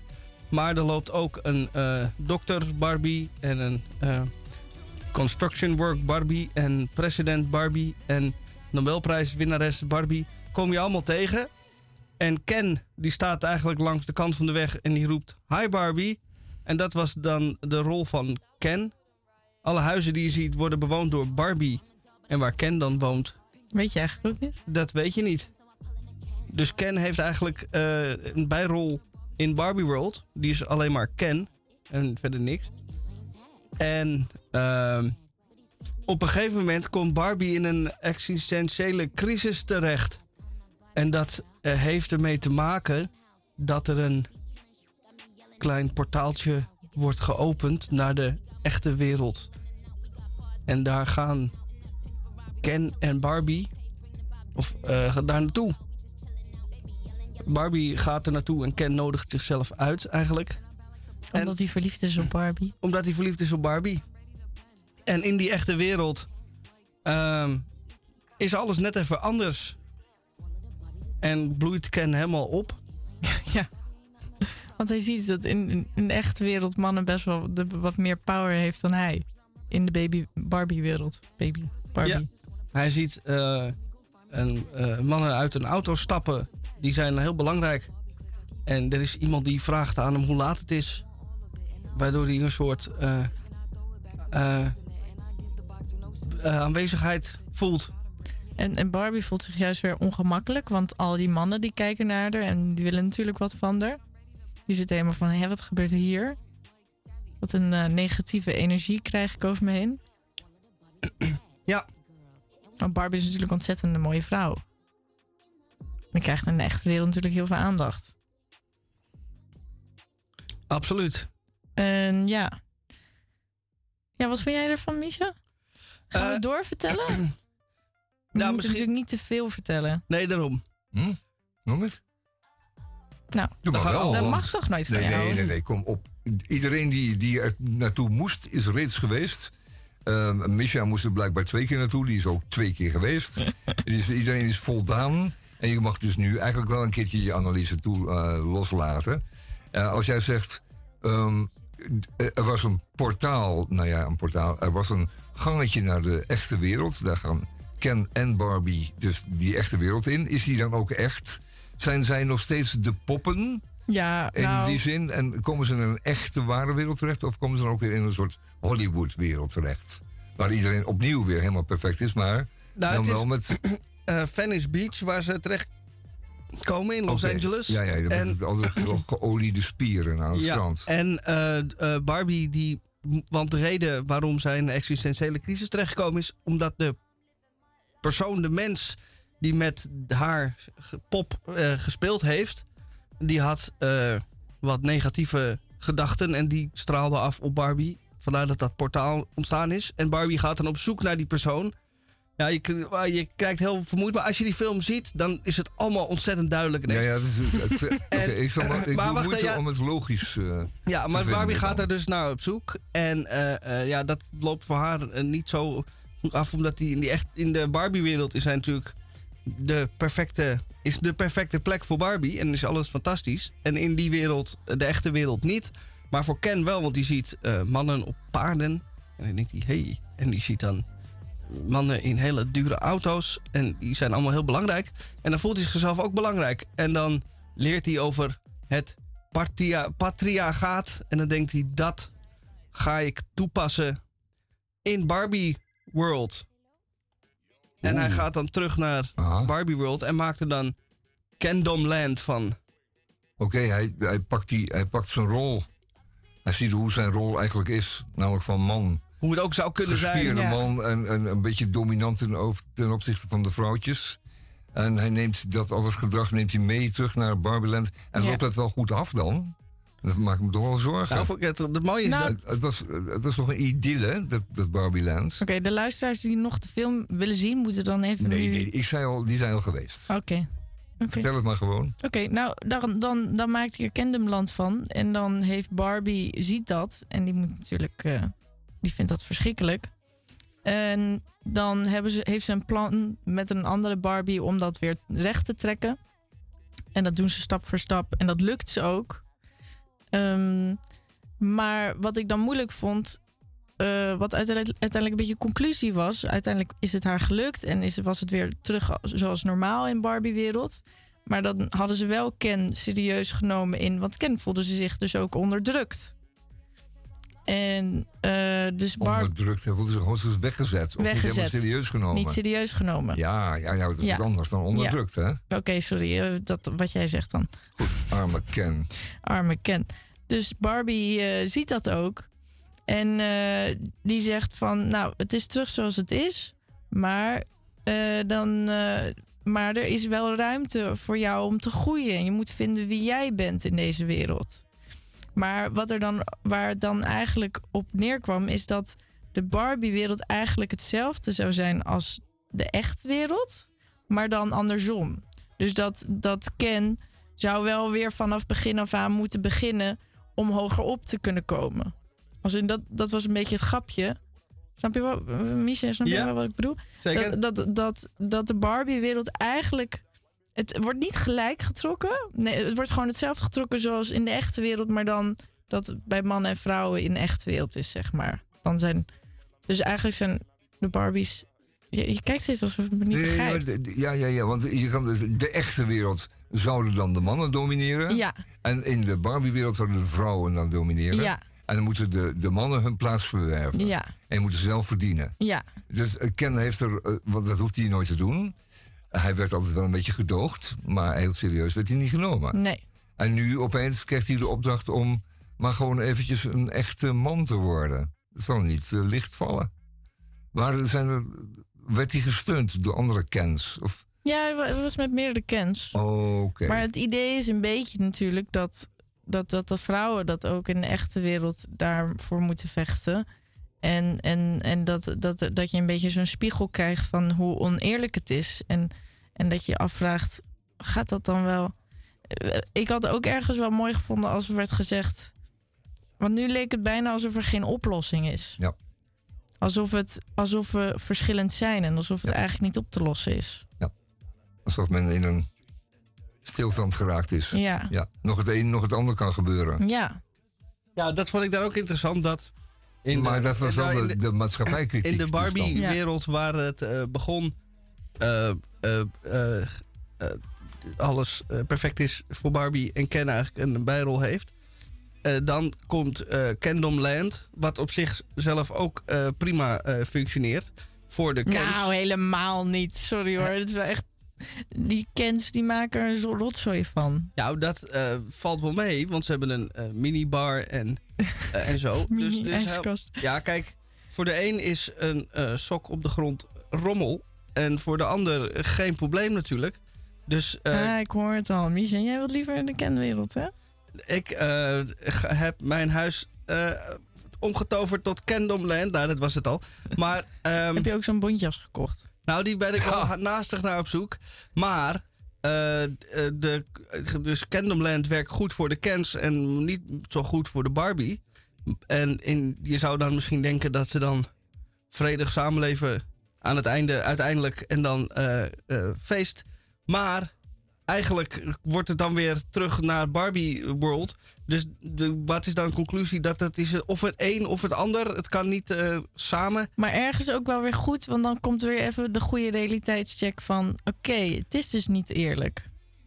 Ja, dat, dat zou ook een eh, En Kijk hoe oneerlijk dat voelt. K- conclusie kunnen zijn. Dat is ja. ook natuurlijk bij mannen. Dat wekt ook bij mannen als ze misschien de film kijken van... oh, wat oneerlijk. Dat de Barbies nu weer... dat wij weer vanaf begin af aan naar boven moeten vechten... en we werden al niet serieus genomen... en nu moeten we nog harder werken om serieus genomen te worden. Nou, dat, dat is misschien ook wel goed dat dat even een beetje wrijving brengt bij de mannen. Want zo zit het dus wel een beetje in de echte wereld op veel plekken. Ja. Dat vrouwen eigenlijk niet serieus worden genomen. Dus eigenlijk, ja, misschien eh, doordat Misha als een man soort van er tegenin en ging, dat is ging toch weer van van, gedachten En het is veranderen over goed, de goed dat hij er twee Goed keer is geweest. Ja, goed Want voor hij heeft jou. de eerste keer heeft hij natuurlijk ervaren als een soort eh, nachtmerrie. Ja? En de tweede keer heeft hij dat wat meer analyserend kunnen ervaren. Hoe, hoe ervaarde je het anders? Eh, Nee, helemaal niet anders. Eigenlijk hetzelfde. Ik vond het wel een grappige film. En eh, het is heel veel Zegt hij nu. cliché. Nee, Nee, dat, dat is wel zo. dat heb ik trouwens... Ik heb er namelijk hier vorige keer ook al iets over gezegd toen ik er naartoe was gegaan. Toen zei ik ongeveer hetzelfde. Ja, Misha komt dichtbij een eh, metroman hoor. Ja, als je... Ik, eh, eh, volgens sommige mensen ben je geen man als je naar de Barbie-film gaat. Maar ik weet niet wat je dan bent als je er twee keer naartoe gaat. Ik besta niet meer, denk ik. maar in ieder geval... In ieder geval... ehm, eh, ja, Dat, zijn wel, dat zijn juist wel een beetje de mannen die dat zeggen, die eh, zelf heel onzeker zijn over hun mannelijkheid. Hè? dat is het. Ik ben gewoon zo zeker over mijn mannelijkheid dat ik gewoon twee Zeker keer naar de... naar de Barbie Ik denk gaat. dat je wel drie keer kan, uh, Misha. Ik heb er alle vertrouwen in dat jij niet gesloopt wordt door een paar keer naar de, naar de Barbie-film te gaan. Sterker nog, eh, het komt je alleen maar tot beter inzicht. En, en we komen zo langzamerhand bij de analyse van waarom deze film zo eh, aantrekkelijk is. Waarom hij wereldwijd, Ja, eh, weet ik veel, 5 miljard gaat opbrengen. Wat of ik ook mooi vond, bedrag. wat ik wel wil zeggen nog, wat ik mooi vond. ehm, er waren ook momenten gepakt eh, eh, waar ze echt gingen filosoferen over het leven zelf. Want Barbie wilde op een gegeven moment eigenlijk mens worden. Mhm. Ze voelde zich meer mens dan Barbie. En daar werd toen heel mooi omschreven hoe het is om mens te zijn. Dat het heel. Want in Barbie-wereld is alles mooi en heb je niet zoveel gevoelens en emoties. En dan is alles leuk en vrolijk. Maar als mens is het eigenlijk. Je voelt heel veel. En, en, en het is ook moeilijk. En daar, daar werd ook veel aandacht aan gegeven. En dat vond ik wel mooi, mooi gedaan. Dat ze zo in zo'n tussenwereld zat. Maar het was dan toch de conclusie van de Barbies om daar niet aan te beginnen. Om als het ware hun eigen wereld maar te continueren. En om daar het gelukkigst te zijn. Omdat ze dat. Nou, Barbie zelf wilde dat dus niet. Oh, die wilde zelf. De hoofd Barbie. Ja, ik snap het. Dus die, die wilde zelf Of naar nou, het hoofd Barbie, mens zijn toen. Net als de, Barbie. ja, als, als de zeemeermin ooit. Haar staart kwijt en dansen. Ja, precies. Ook al deed het haar pijn. Alsof er duizend messen door haar benen sneden. Oké. Ja, nee, was En, wel... en, maar eh, eindigt het met een hoopvolle conclusie? Dan gaat iedereen de bioscoop uit zo van... Nou, eh, een mooie analyse van de maatschappij en wellicht... eh, Nou, ik ging er een beetje raar uit. ik, ik, ik Ja, vond ook vraag- het iets te veel roze en poespas. En, Misha, eh, hoe ging jij, hoe ging jij eruit? Toch wel met een hernieuwd vertrouwen? Opgewekt en eh, Ja, vol zin in het leven. Toch een weer. Ken, wat dat betreft. Ja. Ja, je bent toch wel meer een Ken dan een Barbie. Enorm. Ja, daarom. En dat hij kun je... lijkt er ook zo op. Ik laat me niet eh, kennen wat dat betreft. Maar Hey. Hij begint echt... Hij begint ik moet echt even... Lennart neigtrekjes te krijgen. Het is verschrikkelijk. Hij gaat er waarschijnlijk nog een liedje over maken. Tot zover dan Barbie. Eh, moet ik even snel, eh, niet een hele filmreview, maar eh, ik was afgelopen woensdag in Lab 111. En daar eh, heb ik één film gezien uit het eh, festival, van het festival Deadpan Delights. En Deadpan is een eh, manier van comedy, dat je een grap vertelt zonder enige emotie op je gezicht te tonen. Dus heel droog zou je kunnen zeggen. Eh, en het zijn allemaal films van, eh, films van Jim Jarmusch. En die heeft nogal wat abstracte en deadpan-achtige films gemaakt. En ik heb Stranger Than Paradise gezien. Ik zal daar niet veel over vertellen. Maar dat was een eh, eh, bijzondere film in zwart-wit uit 1984. Erg eh, apart. Heel veel, alle shots waren in één... of alle scènes waren in één shot gefilmd. En er waren heel veel mooie plaatjes. Idyllische mooie plaatjes bij. En ehm, heel veel, heel subtiel. Er gebeurt eigenlijk weinig. Weinig verhaalvertelling. En ook heel veel, ogenschijnlijk overbodige scènes. Dat ze eh, in een auto ergens naartoe rijden. Naar Cleveland, Ohio. En dan is er een kort gesprekje. En dan gaat het beeld op zwart. En dan komt de volgende scène weer terug in diezelfde auto. En dan zitten die twee mensen, maar dan zeggen ze niks. Dan rijden ze gewoon in die auto. Het gesprekje is al geweest. En dan komt er daarna nog een scène van twee minuten rijden in een auto. Dat soort dingen dan de hele tijd. Dus dat was erg eh, eh, bijzonder. Ehm, er zijn nog een vijftal andere films van dezelfde maker die eh, nog deze hele maand draaien in Lab 111. Dus dat eh, eh, Stranger Than Paradise is zeker de moeite waard. En die andere films ken ik niet, maar misschien ga ik er wel eentje eh, of wel meer van kijken. Al dan niet met Rosa. Hey. Nou jongens, ik, hoor het, ik zie het gaarne tegemoet. Jim Jarmusch. ehm, eh, hij maakt inderdaad minimalistische films. Je moet denken een beetje aan eh, Andy Warhol in zijn, eh, in zijn langdurige films met, met inderdaad eenvoudig shotmateriaal. Maar ik hoor het van jullie. En ik ben benieuwd wat je ervan vindt. Uiteindelijk, misschien word je wel een Jim. Jarmusch liefhebber. Wie zal het zeggen? Ja. Ja, het is een beetje een. Eh, eh, of je houdt van hem of je vindt het verschrikkelijk Oh eh, ja, dat denk ik wel, dat denk ik wel. Dat wel. Maar ja, jij kan twee keer Barbie hebben, dus eh, een beetje Jarmusch eh, is jouw eh, windje Ik, om kan, die ik pink. ben zo. eh, Daarmee wat muziek. How about. In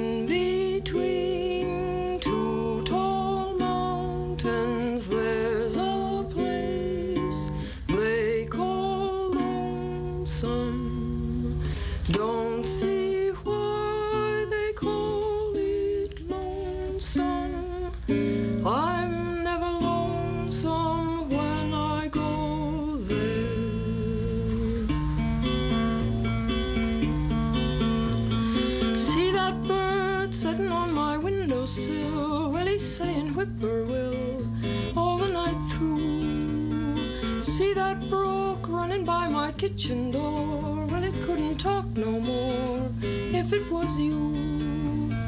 Up that tree, there's sort of a squirrel thing. Sounds just like we did when we were quarreling. In the yard, I keep a pig or two. They drop in for dinner like you used to do. Don't stand in the need of company with everything I see talking like you. Up that tree, there's sort of a squirrel thing. Sounds just like we did when we were quarreling.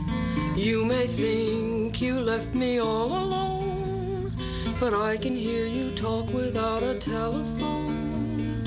I don't stand in the need of company everything I see talking like you.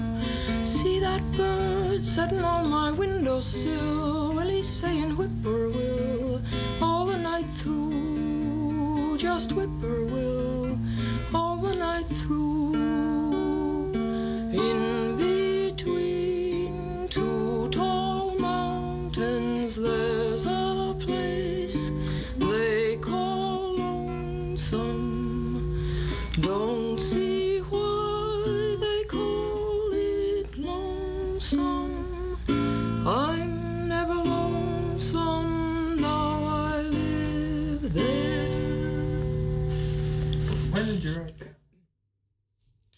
Dit was een aardig nummer. Een heel Wie aardig waren dit? nummer. Dit was eh, Connie Converse. En zij was een singer-songwriter in New York. Eh, eigenlijk eh, de generatie voor eh, Bob Dylan. En ze heeft nooit echt iets eh, uitgebracht. Behalve dan dat ze door een journalist die bij haar geweest is, eh, eh, op een bandrecorder een twintigtal liedjes heeft opgenomen, waar dit er één van was. Ehm, en het is eh, interessant dat zij in de jaren zeventig, toen het allemaal wat minder ging, op een gegeven moment wat brieven geschreven heeft naar de familie. Van eh, laat me los. En toen eh, in een auto is gestapt en is eh, verdwenen. Wow. Verdwenen? Ja, ze is nooit meer terug- teruggezien. Nou Wow. ja, wat een verhaal. Wat een spannend verhaal. Ja. In een auto gestapt en nooit meer teruggezien. Ja, dat is het laatste wat eh, mensen van maar haar ze was, gezien hebben. ze was boos op haar familie, of weet je dat niet? Nee, nou niet boos. Maar eh, eh, Teleurgesteld wellicht? Of ja, het had niet zozeer, met, hij- niet zozeer met de familie te maken. Nee. Maar meer die had ze. eh, Het leven. ze was zelf eh, erg. eh, niet meer in eh goede doen. Oh, ze was niet een goede doen. Nee. Dus het zou Mentaal. ook kunnen dat ze is overleden.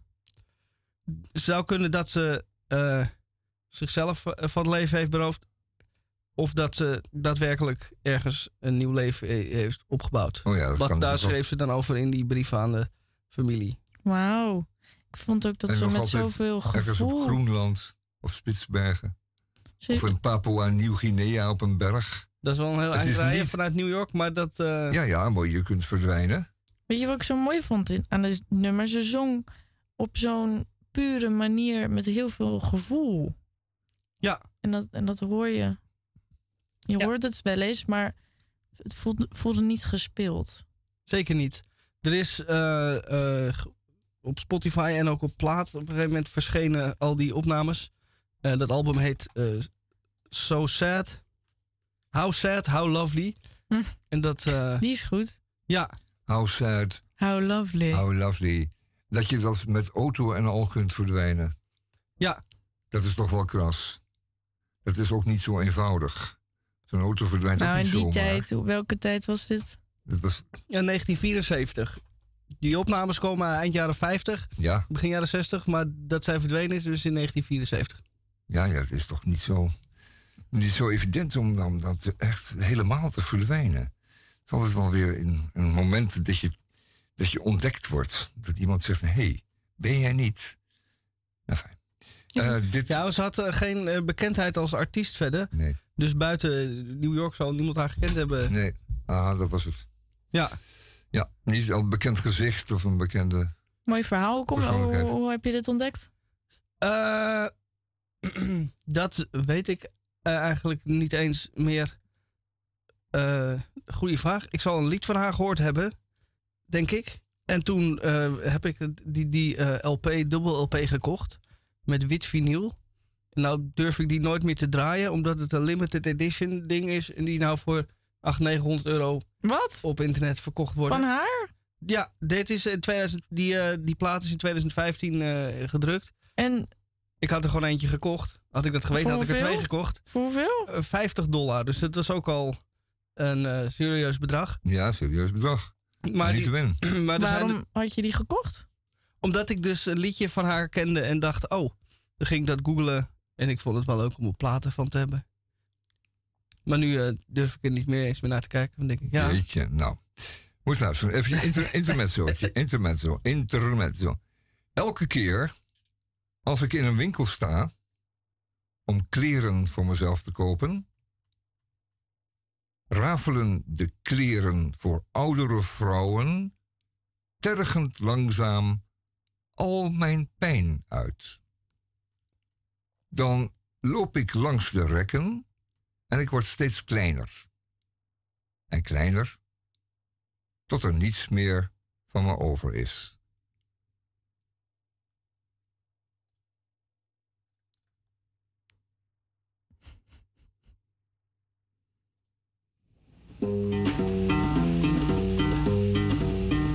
Down this road on a Monday morning came a riding three strangers. Down this road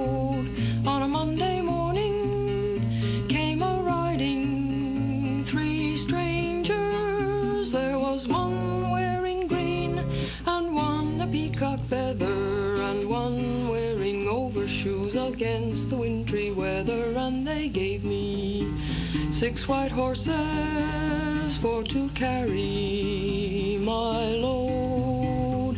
And they beckoned me to follow and they took me down this road. On a Monday morning came a riding three strangers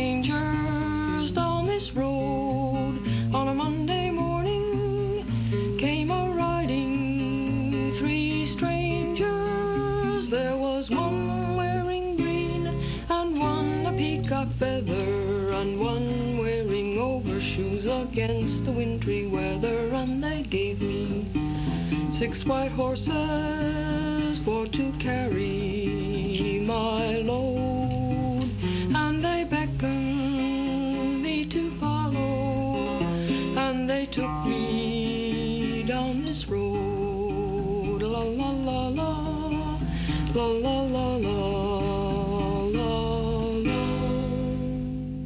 Deze aflevering Kom van af. Radio Dieprik is bijna afgelopen. En eh, ik heb nog één krompraatwoord. Zullen we die anders gedriegelijk even Ja. behandelen? En dat woord is snack Barbie. Snack Barbie. Kunnen we daar wat mee? Even denken. Misschien omdat de film hapslik weg was. Nee, wat doe je? Wat doe je? Oh, ik dacht, ik dacht echt gewoon camera. Ik, ik, wil, ik weet wel, ik weet Ja, wel. oké. Eh, Snack Barbie. Ehm, je hebt dus allemaal Barbies en eh, die zijn altijd super dun. En als je naar kijkt, word je gelijk dat je denkt van... Hé, wacht even, zo ziet mijn lichaam er niet uit. En eh, je hebt dus zo'n... ehm, hoe noem je dat? Een, een soort... eh, je hebt iets wat er gebeurt met je als je naar iemand kijkt die heel dun is, dat je spontaan honger krijgt. En er is dus een gevalletje van dat kinderen vaak hadden als ze met de Barbie speelden, dat ze gewoon heel veel wilden snacken. Omdat ze, ze zag er zo uit, uit verhongerd uit. Dus dat noem je dan, eh, doordat, je, doordat je naar Barbie kijkt, dan, heb je, dan wil je gaan snacken. En dat heet dan snackbar baby. Kijk. Snackbar, snackbar baby, snackbar, snackbar bie. Snack Barbie. Maar was er ook een Barbie te koop die er een beetje slonzig uitzag? Een beetje, beetje Ja, dat is sinds nu, drie sinds nu, sinds nu is dat wel wat patten. meer. eh, wat volume gekregen. ja, sinds nu is dat wel wat is niet meer meer. zo super slank als nee, ooit nee, was. nee. Want dat is ook een Dat kwam ook in de film dat, voor. Dat twee eh, meisjes tot eh, anorexia over, over eh, zetten, hoe zeg je dat? Eh, zetten. En, eh, aanzetten. als, als verkeerd voorbeeld aanzetten. Eh, dat is een verkeerd voorbeeld gold. Maar dat heb ik nooit zo geloofd. Dat, dat, eh, dan zouden wij toch ook, eh, nou fijn. En jongens, Ja, we gaan eh, eh, einde maken aan deze ja, uitzending. ja, want we hebben veel weer enorm ons het best gaan. gedaan. En eh, ik, we gaan altijd muziek draaien van Elvis. En dit is een nummer wat ze tien jaar geleden ergens in een kluis hebben gevonden. Want eh, eh, het was voor een film. Maar eh, de... Wat een spannende, verha- spannende verhalen heb je vandaag. Goed hè? Ik heb alleen nog heel weinig Goed, tijd om het verhaal af te maken. Oh, shit, maar hier is, het, hier is het lied. Nee. Of moet ik het dan eh, volgende week doen? Nee, vertel, nee, vertel. en zet hem gewoon zachtjes aan. Er vertel gewoon het verhaal. als ik nu het verhaal vertel, is de uitzending afgelopen. En dan horen mensen het nummer je niet kan meer. het eronder zetten. Nee, dat is niet. Dat, die muziek moet je niet doorheen praten. Nou, ik bewaar die deze wel voor volgende week. Dan vertel ik eh, dit verhaal volgende week. Want deze boot is alweer gevaren. Eh, nee, dat eh, de tekst in het, ehm, eh, de film was nogal. eh, nou ja, eh, eh, nou, grof zou ik niet zeggen, maar een beetje eh, eh, wat stevig. En dat- als je het nu hoort, denk je, nou, dat valt toch wel mee. Maar voor toen, eh, in 1964, vond de eh, eh, producer van die film dat toch echt niet kunnen. Dus toen hebben ze het die niet gebruikt. Toen is het in de kluis beland. En daar is hij onlangs, eh, of onlangs, het is alweer 15 jaar geleden, weer uitgehaald. Wat leuk. Goed hè? Nu wil ik wel horen wat het nummer is. Nou, ik kan een, eh, een stukje laten horen. Ik, eh, zo.